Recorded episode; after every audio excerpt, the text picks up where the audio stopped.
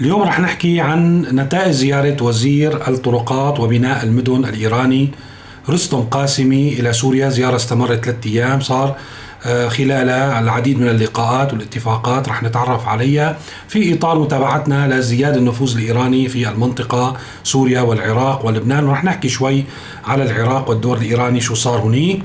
رح نحكي أيضا عن موضوع خط الغاز العربي اللي كان من المقرر والربط الكهربائي بين الأردن ولبنان عبر سوريا. المقرر كان من أول السنة يصير نحن صرنا ب 15 كانون الثاني.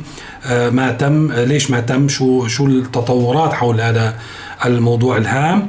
رح نحكي أيضا عن فوضى القرارات في سوريا القرارات الارتجالية خاصة فيما يتعلق بالوضع المعيشي واثاره السلبية على المواطن السوري. وأخيرا رح نحكي عن موضوع الفيزا إلى سوريا. إذا كان عندكم أي عراقيل لبعض الأصدقاء الأجانب الذين يعني يتهافتون ويرغبون بزيارة سوريا أصبح الطريق معبد للحصول على فيزا مستعجلة بهذا الخصوص. فإذا مرحبا وأهلا فيكم باستعراض أحداث اليوم السبت 15 كانون الثاني عام 2022 انتهت زيارة وزير الطرقات والبناء المدن الإيراني إلى سوريا يوم أمس الجمعة. الحقيقة عمل عدة لقاءات غريبة كانت لقاءات والتقى مع كثير من المسؤولين على كل المستويات ابتداء من رئيس الأسد إلى رئيس مجلس الوزراء إلى كثير من الوزراء حتى وزير الخارجية ما بعرف يعني وزير الطرقات ليش بيلتقي مع وزير الخارجية ما بعرف. وتم الإعلان عن عدة اتفاقات وقرارات في هذا الخصوص. يعني ما كان آه، هو آه، قرار بافتتاح مصرف مشترك وعلى ضوء هذا القرار راح يتم إنشاء متبادل لفروع مصارف محلية من الجانبين. راح نشوف مصارف إيرانية موجودة في سوريا والمفروض نشوف مصارف سورية أو فروع لمصارف سورية موجودة في إيران. والموضوع الثاني هو إقامة مناطق تجارية حرة مشتركة وراح يتوجه رئيس منظمة المناطق الحرة الإيرانية لسوريا بزيارة قريبة. هذا الموضوع الثالث هو مهم إنه تطرق لزيادة صناعة المنتجات الإيرانية في سوريا مثل الجرارات والمعدات الزراعية فضلا على إلغاء التعريفات الجمركية وتعزيز الصادرات البينية. مثل ما شفنا هذا الموضوع راح يصب بمصلحة إيران بشكل كامل. إيران مثل ما شفنا من يومين الميزان التجاري مائل باتجاه إيران بدرجة كبيرة 160 مليون دولار. الصادرات الإيرانية إلى سوريا 20 مليون دولار الصادرات السورية إلى إيران وهي مواد أولية معظمها آه، فوسفات. إقامة صناعات إيرانية في سوريا إلغاء التعرفة الجمركية. نحن عم نلغي التعرفة الجمركية على المواد الأولية وما نفرض تعرفة جمركية على الصناعات الإيرانية. يعني ما عاد فينا ننافسها في سيطرة راح يكون شبه مطلقة للصناعة الإيرانية على الأسواق المحلية. هذا معنى القرارات بحسب ما هو وارد بالتصريحات الإعلامية. ننتقل للعراق بسرعة. حكينا كمان من كام يوم عن أنه بالعراق صار في انتخابات صار في آه، نوع من فوز لكتلة تحاول أن تصنع كتلة وطنية تكون فوق الانتماءات المذهبية والعرقية. نجحت بالجلسة الأولى للبرلمان بأنه توصل رئيس البرلمان بدعم هذه الكتلة. كانت القوى السياسية العراقية المرتبطة مع آه، إيران غير يعني راضية عن نتائج الانتخابات بشكل عام وغير راضية على وصول مرشح هذه الكتلة إلى رئاسة البرلمان. فتم تعطيل هذا الموضوع من خلال دعوة قضائية آه، قدموا طعن بنتائج الانتخابات لرئاسة البرلمان وطلع قرار قضائي بتوقيف عمل رئاسة البرلمان إلى مزيد من التوتر والصراع. أصلا مثل حكينا كمان أشرنا لهذا الموضوع. حزب الله العراقي أشار إنه راح يكون في المستقبل أو توحي الأمور إلى يعني توتر حتى أمني بين القوى السياسية الموجودة في العراق هذا فيما يخص دور الدور الإيراني في منطقتنا. الموضوع الثاني واللي إيران طرف فيه بشكل أو بآخر هو موضوع خط الغاز العربية اللي تم الإعلان عنه يعني من أشهر طويلة وأنه راح يكون يتنفذ بداية العام الحالي. كان في زيارة للسفيرة الأمريكية في لبنان لرئيس الوزراء نجيب ميقاتي. بمعنى إذا كان في هواجس يعني طمنته إذا في هواجس من ناحية تطبيق عقوبات أمريكية على مثل هذه المشاريع ما راح يكون في عقوبات. نحن بنسهل ونشجع على مثل هذا الموضوع ويبدو أنه هذا الموضوع هو نوع من إشارة إيجابية لتنفيذ المشروع. ولكن الحقيقة أنا من من متابعتي للموضوع هو صحيح إشارة إيجابية ولكن في شروط للولايات المتحدة لتنفيذ هذا المشروع. لا ننسى أنه إسرائيل هي طرف بهذا المشروع غير مباشر.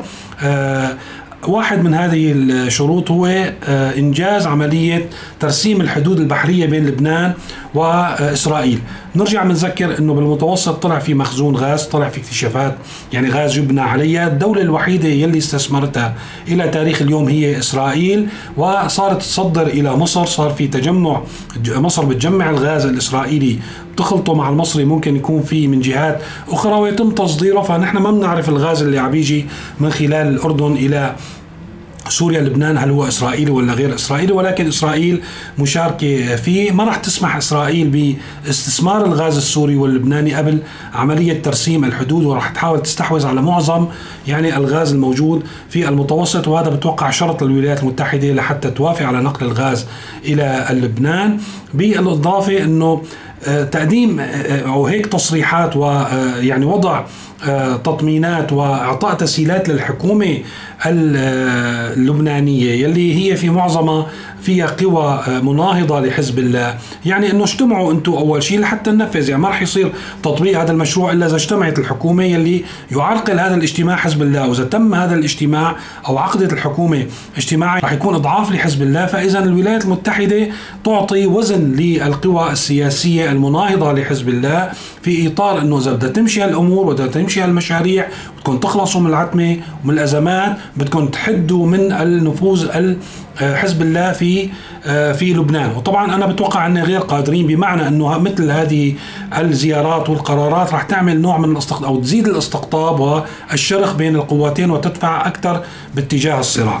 الموضوع رح نحكي عليه هو فوضى القرارات آه، في في سوريا وارتجال القرارات، أساسا نحن ما بنتخذ قرارات بناء على دراسات وبنجرب بألعالم تجريب ولكن بظروفنا الحالية التجريب له آثار كارثية لأن المواطن ما متحمل حتى يعني أي ضغط إضافي عليه أو أي زيادة نفقات عليه يعني توصلوا ل آه، نوع من المعاناة غير المسبوقة. عم ترميه في آه، خانة آه، انعدام الأمن الغذائي خانة الفقر خانة الجوع. في قرارات بتطلع هيك تجريب. راح أحكي على القرار الأخير يلي صدر السبت الماضي ما صار له أسبوع. هو آلية جديدة لتوزيع الخبز. مرة ثانية بنذكر بالسريع الخبز بسوريا المدعوم بأسعار مدعومة يتم الحصول عليه من خلال الحصول على بطاقة بسموها ذكية إلكترونية.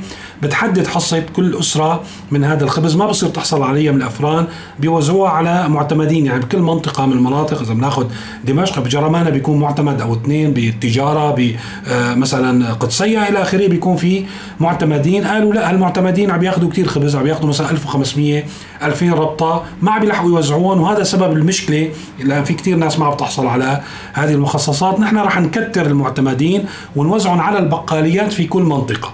من وقت هذا من هذاك الوقت يعني وقت ما طلع القرار قلنا إنه يا أخي ما عندنا إمكانية نحن لا وزارة النقل ولا حتى مؤسسة التجارة ما عندهم إمكانية يوزعوا يوميا كامل كميات الخبز الهائلة على البقاليات بيوم واحد. راح يصير في تأخير وما راح توصل ما راح يوصل هذه الحصص إلى البقاليات ليحصلوا عليها الناس. بالفعل محافظة دمشق حكت بنفس الاتجاه من يومين وقالت انه ما راح ننفذ هذا القرار لأنه غير قابل للتطبيق، ما عندنا إمكانية لنوزع نحن على 1500 معتمد بمدينة دمشق الخبز وبالتالي راح نضل على القرار القديم. الموضوع الثاني هو موضوع الحمضيات اللي شفناه وكان الحقيقة مشهد كوميدي خلال الأسبوع الماضي. آه، حكومة بأمها وأبوها أسبوع كامل تقريبا بتتعطل بيطلع رئيس مجلس وزراء والوزراء والمحافظين بأسواق لها. وحكينا عن الموضوع الحقيقة مشاهد كانت يعني هي المضحك.